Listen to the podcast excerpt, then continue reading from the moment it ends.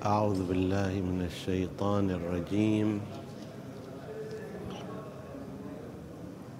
بسم الله الرحمن الرحيم.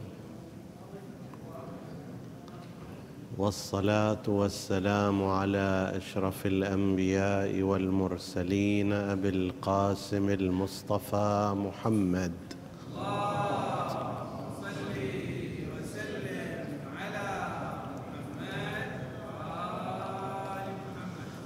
وعلى آل بيته الطيبين الطاهرين المعصومين المكرمين.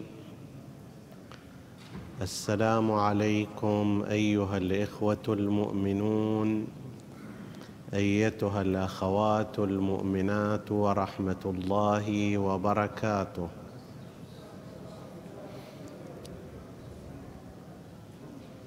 في بحار الأنوار نقل شيخنا العلامة المجلسي المولى محمد باقر.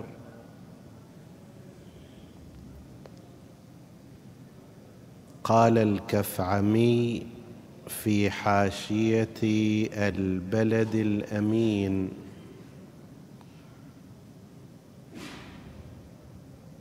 وذكر الحسيب النسيب رضي الدين بن طاووس في كتاب مصباح الزائر قال روى بشر وبشير الأسديان أن الحسين بن علي بن أبي طالب خرج عشية عرفة من فسطاطه متذللا خاشعا فجعل يمشي هونا هونا حتى وقف هو وجماعة من أهل بيته وولده ومواليه في ميسرة الجبل مستقبل البيت ثم رفع يديه تلقاء وجهه كاستطعام المسكين ثم قال الحمد لله الذي ليس لقضائه دافع ولا لعطائه مانع ولا كصنعه صنع صانع. إلى آخر فقرات الدعاء. نبدأ بفضل الله عز وجل وعونه. في هذا اليوم بالحديث عن شيء من الشرح لدعاء الإمام الحسين عليه السلام. في يوم عرفة.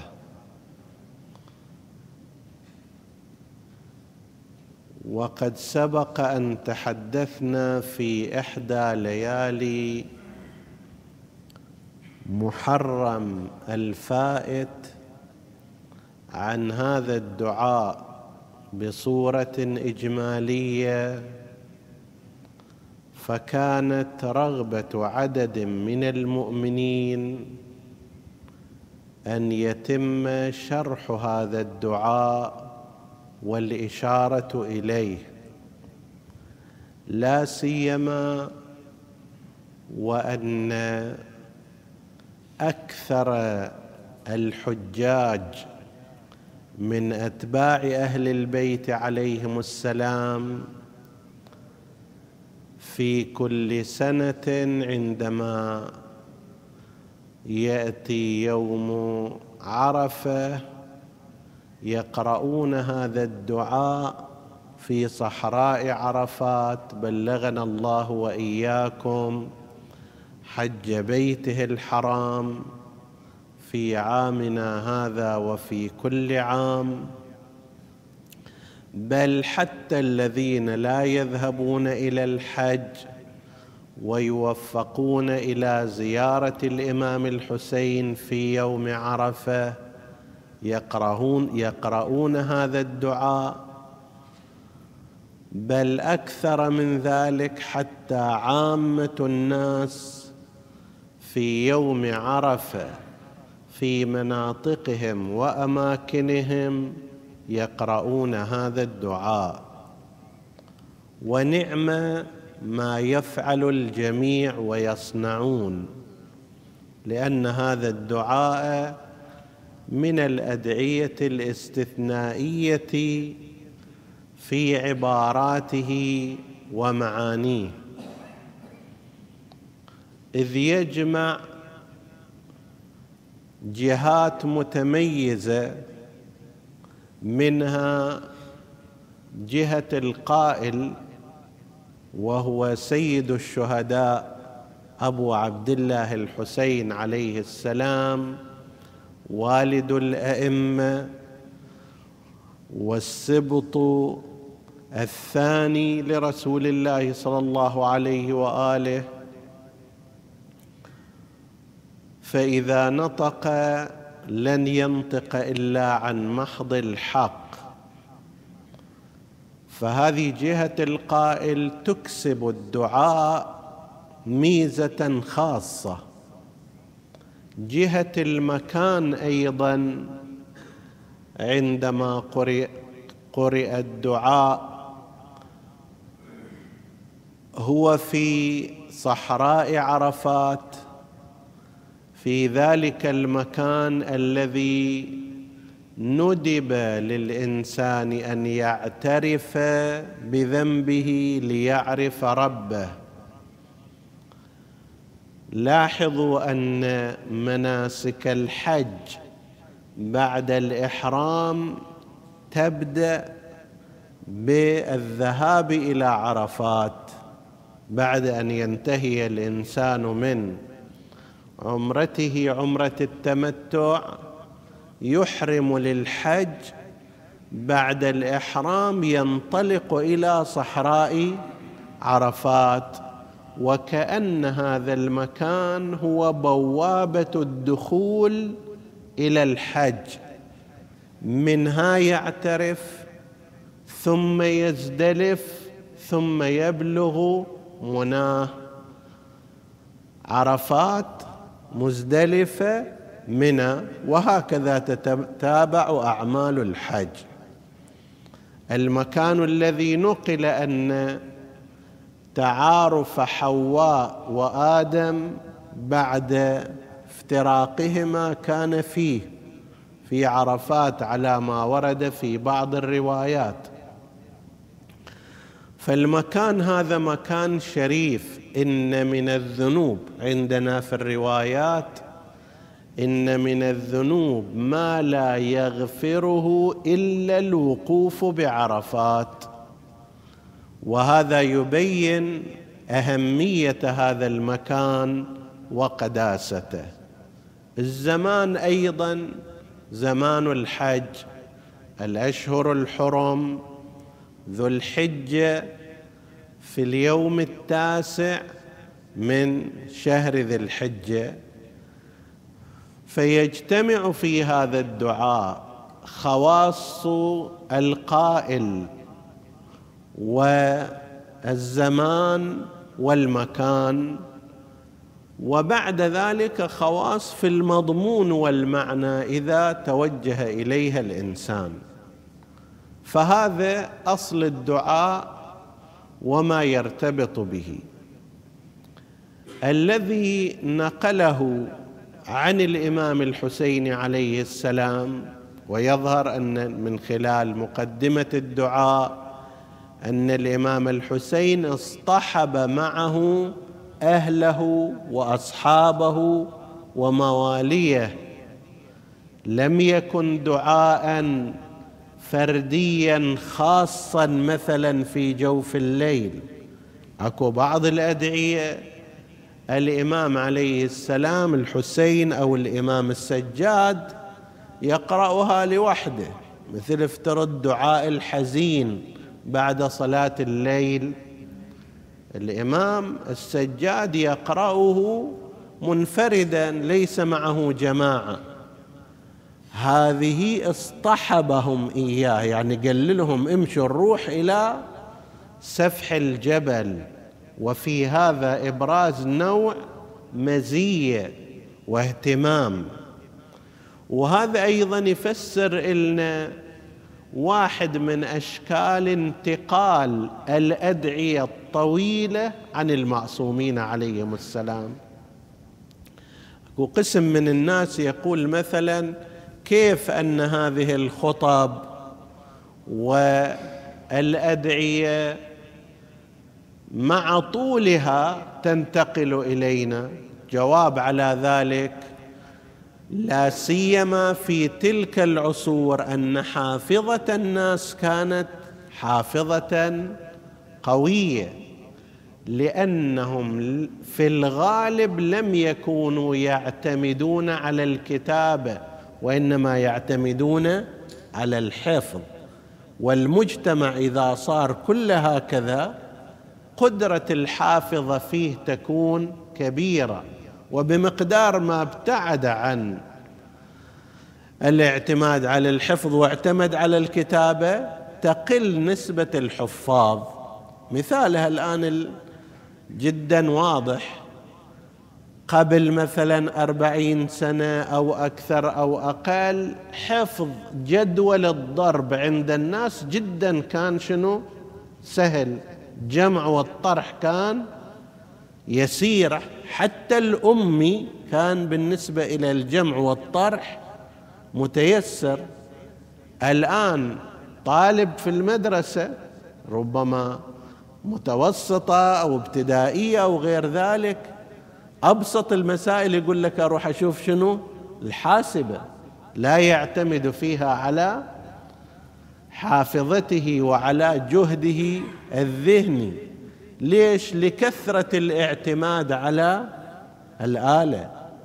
ولذلك في بعض البلاد هناك مدارس استثنائية تمنع على طلابها أن يستخدموا أي شيء يرتبط بالآلة لأنه بنفس المقدار سوف يضعف قدرة الذهن الرياضيه الطبيعيه لذلك أيضا تجد في الزمن السابق حفاظ القرآن عدد جدا كبير.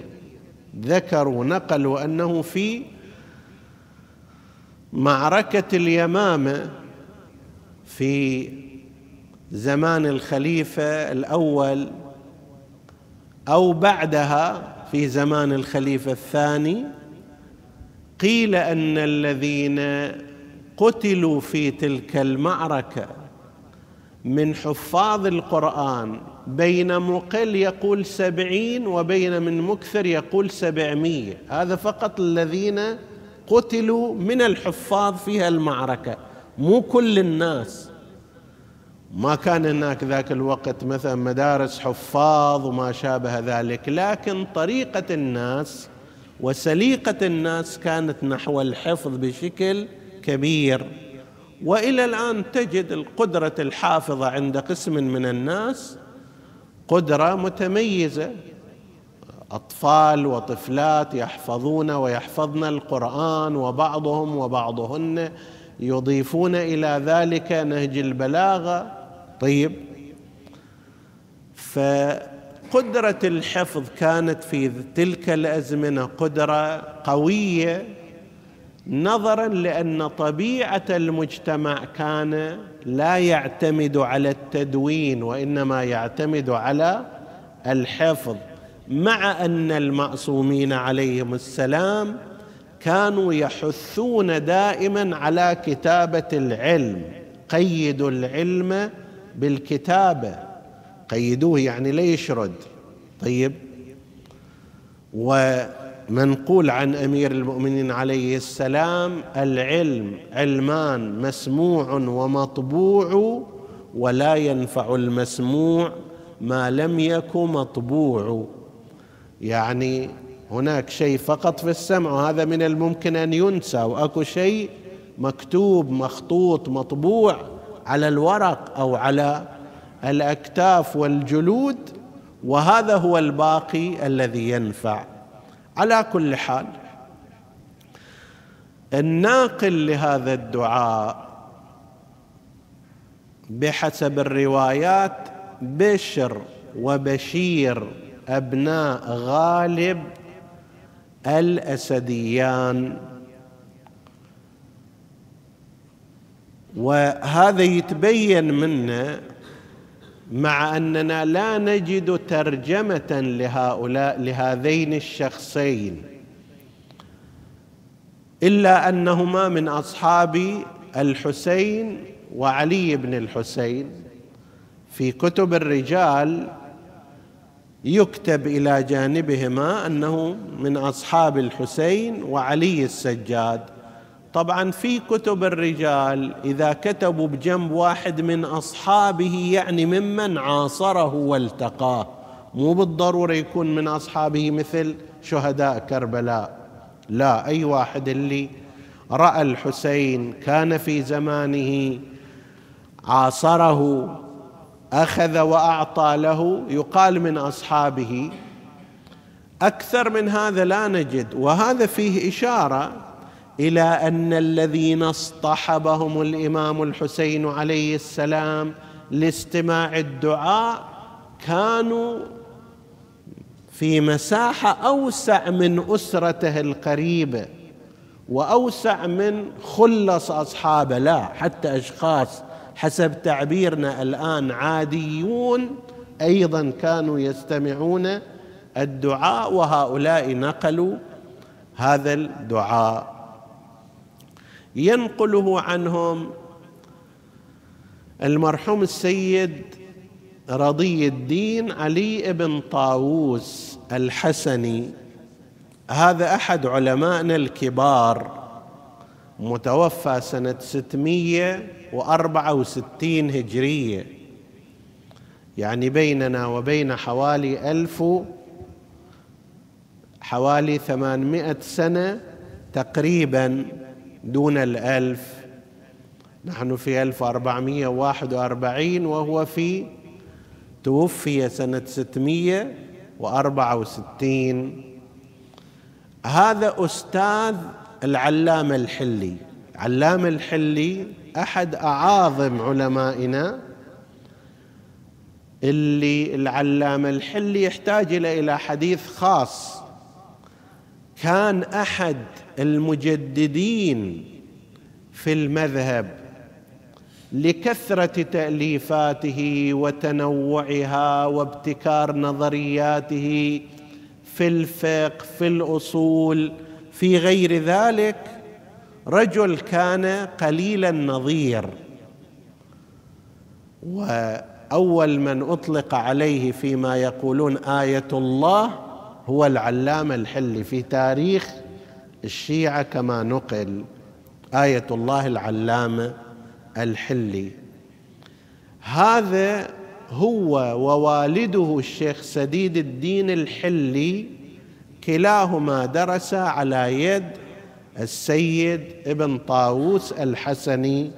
سيد ابن طاووس كان عالما كبيرا كان نقيب الطالبيين. نقيب الطالبيين يعني كل السادة مؤسسة كانت في زمان الدولة العباسية. كل السادة المفروض في العالم الإسلامي اللي ينتسبون إلى الحسن والحسين من أبناء فاطمة عليها السلام هؤلاء صار لهم نقابة اتحاد تسمى بنقابة الطالبيين. هذا كان واحد من رؤسائها في ذلك الوقت. وهذا منصب لا يعطى إلا لأعلى قامة علمية هاشمية في زمانها. فهو كان بهذه المرتبة وكثير من العلماء يقولون إنه كان يتشرف برؤية الإمام صاحب العصر والزمان عجل الله تعالى فرجه الشريف. هذا مذكور في أحوال السيد ابن طاووس ولذلك يتعامل مع رواياته وفتاواه تعاملا خاصا. إذا جاب شيء من غير سند بعض العلماء يقول لعله سمعه من الإمام صاحب العصر والزمان أو عرفه إياه الإمام. عليه السلام. هذا رأي بعض العلماء في شأنه. هذا العالم عنده كتب متنوعة وكثيرة. في أحد هذه الكتب نقل هذا الدعاء دعاء الإمام الحسين سلام الله عليه في كتابه مصباح الزائر. عن ابن طاووس نقله الشيخ الكفعمي العاملي الشيخ إبراهيم ابن علي الكفعمي العاملي من جبل عامل جنوب لبنان. بلدة اسمها جزين بلدة اسمها جباع. من أطراف قراها بلدة اسمها كفعم هذا واحد منها وله قصص كثيرة. ومنها أنه دفن وهو حيا فنجا. تدرون أحيانا يصير لا سيما في الأزمنة القديمة أنه يصير عند الإنسان حالة من الإغماء وهبوط القلب فيتصورون أنه قد توفي ويروحوا يدفنوه. قيل في احواله أنه حصل له هكذا وفعلا دفن ثم عاد إلى هذه الدنيا وكان له اتجاهات روحانية كثيرة فعنده عدة كتب في الأدعية والزيارات من بينها كتاب البلد الأمين ينقل فيه هذا الدعاء. والعلام المجلسي رضوان الله عليه في بحار الأنوار نقل هذا الدعاء عن الشيخ الكفعمي العلام المجلسي صاحب كتاب بحار الأنوار المولى محمد باقر المجلسي. الكفعمي توفي سنة 905 هجرية. العلامة المجلسي توفي سنة 1111 أربع واحدات. هذا لتسهيل رقم مميز هذا. وفعلا كان الرجل بذل جهدا عظيما في جمع تراث آل محمد.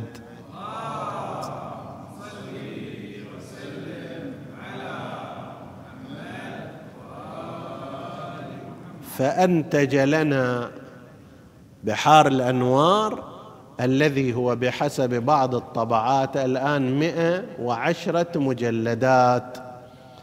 وقسم من الكتب الشيعية القديمة لا وجود لها الآن وليس شيئا منها محفوظ لولا أن العلامة المجلسي رحمه الله نقل منها روايات وأحاديث لضاعت كما ضاع غيرها. علام المجلسي من الطريف في الأمر أن أجداده لم يكونوا على طريق أهل البيت. جده الأعلى اسمه الحافظ أبو نعيم الإصفهاني من أعلام مدرسة الخلفاء وعنده كتاب اسمه حلية الأولياء متوفى أربعمية وثلاثين هجرية. يعني مزامن للشيخ الطوسي رحمه الله. المجلسي إصفهاني ذاك أيضا إصفهاني الجد ما كان على طريق أهل البيت عليهم السلام. الحفيد العلامة المجلسي هو محيي آثار أهل البيت صلوات الله وسلامه عليهم. وهذا من الأمور يعني التي تستوقف النظر. على كل حال علام المجلسي أخرجه في البحار وانتشر بعد ذلك بشكل واضح وواسع باعتبار أن بحار الأنوار نشر بشكل كبير بين أتباع الطائفة. هذا الدعاء يصف فيه الراويان أن الإمام الحسين عليه السلام خرج عشية عرفة. عشية عرفة يعني عصر يوم عرفة. مو عشية يعني ليلة عرفة لا وإنما عصر ذلك اليوم. بق... اولا لأن عشية كل يوم هو عصر ذلك اليوم كلما صار قريب الغروب والأمر الآخر إشارة في نهاية الدعاء إلى أنه فلما وصل إلى هذا المكان لم يزل يكررها. يا رب يا رب يا رب. حتى غابت الشمس وانصرف الناس وأفاضوا. يعني خلص بعد في يوم عرفة مع غروب الشمس ينتهي النسك. لازم يروحون إلى شنو؟ مزدلفة.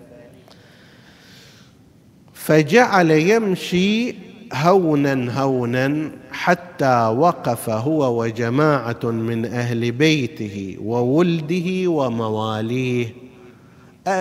ولده واضح أهل بيته أيضا واضح مواليه قد تطلق على معنيين. معنى مواليه يعني الغلمان العبيد حسب التعبير الأرقاء. ولا وأيضا قد تطلق بمعنى الموالين له. تقول هذا مولى فلان ومن مواليه الذين يتولونه.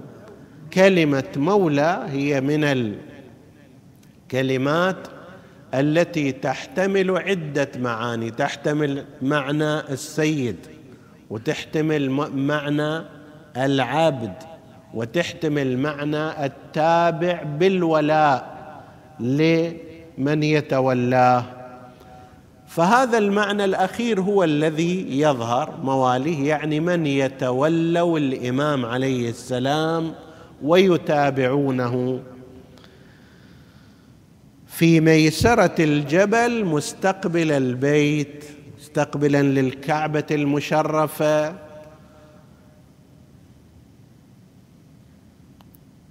ثم رفع يديه تلقاء وجهه كاستطعام المسكين.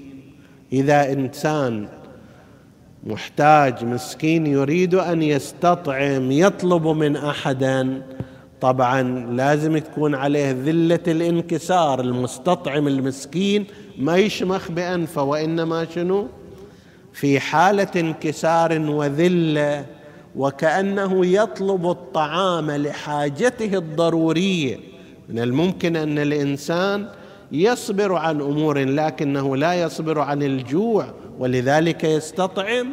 هذا يصور هيئة الحسين عليه السلام في قضية الدعاء.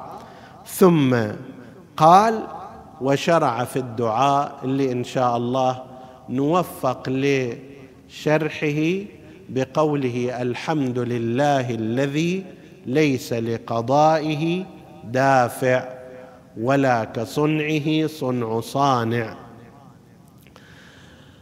هذا الدعاء لا يختص بالحج ولا يختص أيضا بيوم عرفة. أساسا الأدعية الأدعية شأن قولها في فلان وقت ولكن لا على سبيل التقييد. يعني مثلا دعاء كميل ليلة الجمعة. ليلة الجمعة هذا مو مثل غسل الجمعة ما يصير يوم الخميس. ما يصير يوم الأحد. ما يصير يوم الاثنين. الأدعية ليست هكذا وإنما غالب الأدعية والزيارات هي على نحو المستحب في المستحب. يعني أصل الدعاء فيه استحباب ادعوني أستجب لكم أي وقت أي زمان على أي كيفية بأي لفظ. هذا استحباب أصل الدعاء. لكن في هناك استحباب في داخل هذا الاستحباب من المستحب أن يكون الدعاء في أماكن يحبها الله مثل المسجد. مو معنى ذلك إذا كنت برا المسجد لا تدعو به لا وإنما إذا دعوت برا المسجد لك ثواب أصل الدعاء وإذا دعوت في داخل المسجد لك ثواب الأصل وثواب المكان وأن يكون أيضا بخشوع وبكاء هذا استحباب آخر. مو معنى ذلك إذا ما بكيت لا تدعو لا ادعو حتى لو لم تبكي فيه. ولكن لو دعوت في المسجد ببكاء وخشوع ذاك الوقت سويت مستحب في داخل المستحب.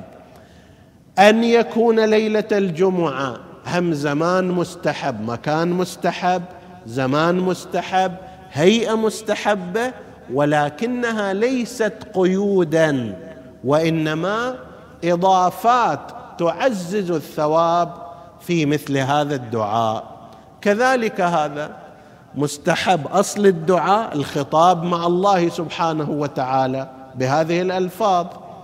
مستحب أن يكون زمانا في يوم عرفة مكانا في صحراء عرفات. لكن ليس معنى ذلك أنه إذا لم يتوفر الزمان ولم يتوفر المكان لتقرأه لا. وإنما غالب المستحبات من الأدعية هي على نحو المستحب في المستحب إضافة في الاستحباب زيادة أجر. ولذلك لو أن إنسانا حفظ هذا الدعاء وقرأه في أوقات مختلفة في أمكنة متعددة طوال السنة فنعم ما يصنع. لو حفظ بعضه هذا شيء طيب فإن فيه من أعظم المعاني كما سنتعرض إلى ذلك إن شاء الله تعالى. نسأل الله سبحانه وتعالى أن يجعلنا من الداعين إياه وأن يجعلنا ممن يستجيب لهم دعاءهم وأن يقربهم الدعاء إلى ربهم درجات بحق محمد وآله الطاهرين.